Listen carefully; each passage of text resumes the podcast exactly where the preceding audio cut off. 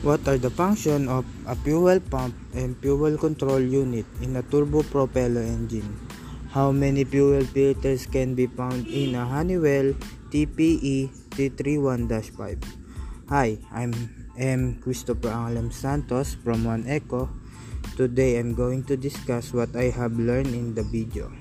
The purpose of the fuel pump is to push fuel from the tank to the injector this will help your vehicle run properly by making sure the fuel is able to go where it needs to.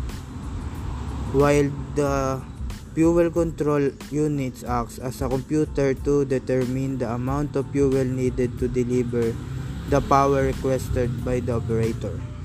The TPE 331 was our first turboprop engine Every 150 hours, fuel filter is 10 AB 10 GP 73-21-03. That's all. Thank you.